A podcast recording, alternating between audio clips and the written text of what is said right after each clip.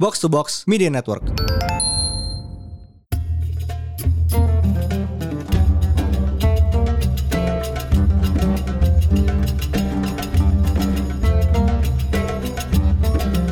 Assalamualaikum warahmatullahi wabarakatuh.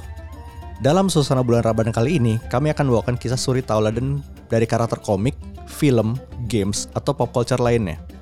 Ternyata dari berbagai kisah pertarungan superhero dan villain, tidak hanya dipenuhi aksi baku hantam, ada juga sejumput hikmah dan pelajaran. Menurut riwayat MCU, Steve Rogers sebagai Kapten Amerika pada akhirnya memutuskan untuk pensiun.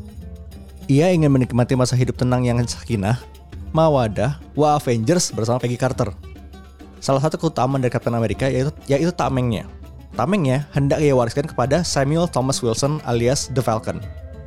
Akan tetapi, Sam merasa ragu untuk mengemban amanah tersebut. Dia merasa dia bukan sosok yang tepat untuk menjadi penerus dari sosok Captain America. Memang benar, kita senantiasa dianjurkan untuk bersikap tawadu atau rendah hati.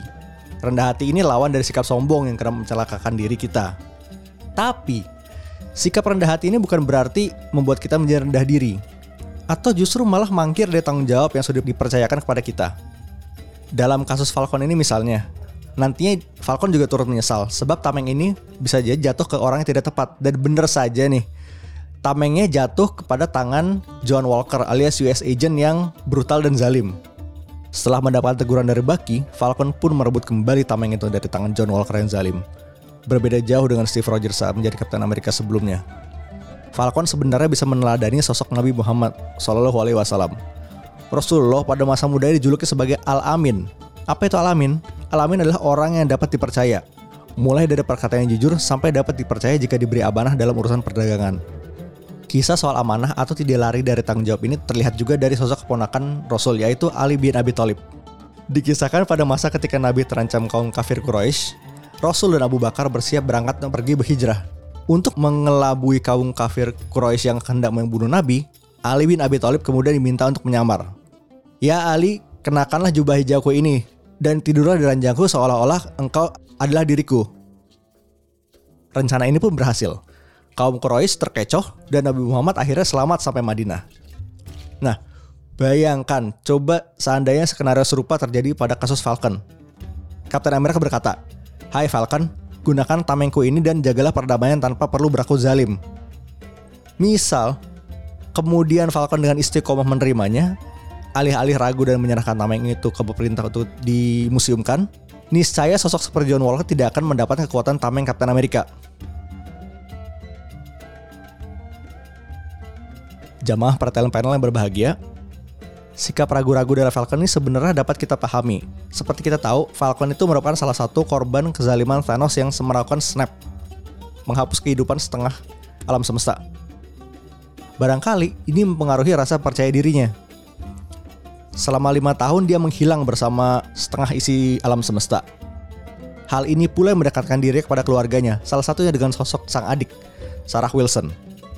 Dikisahkan Sarah mengalami kesulitan keuangan karena kesulitan ini, Sarah awalnya berniat untuk menjual perahu warisan orang tua mereka.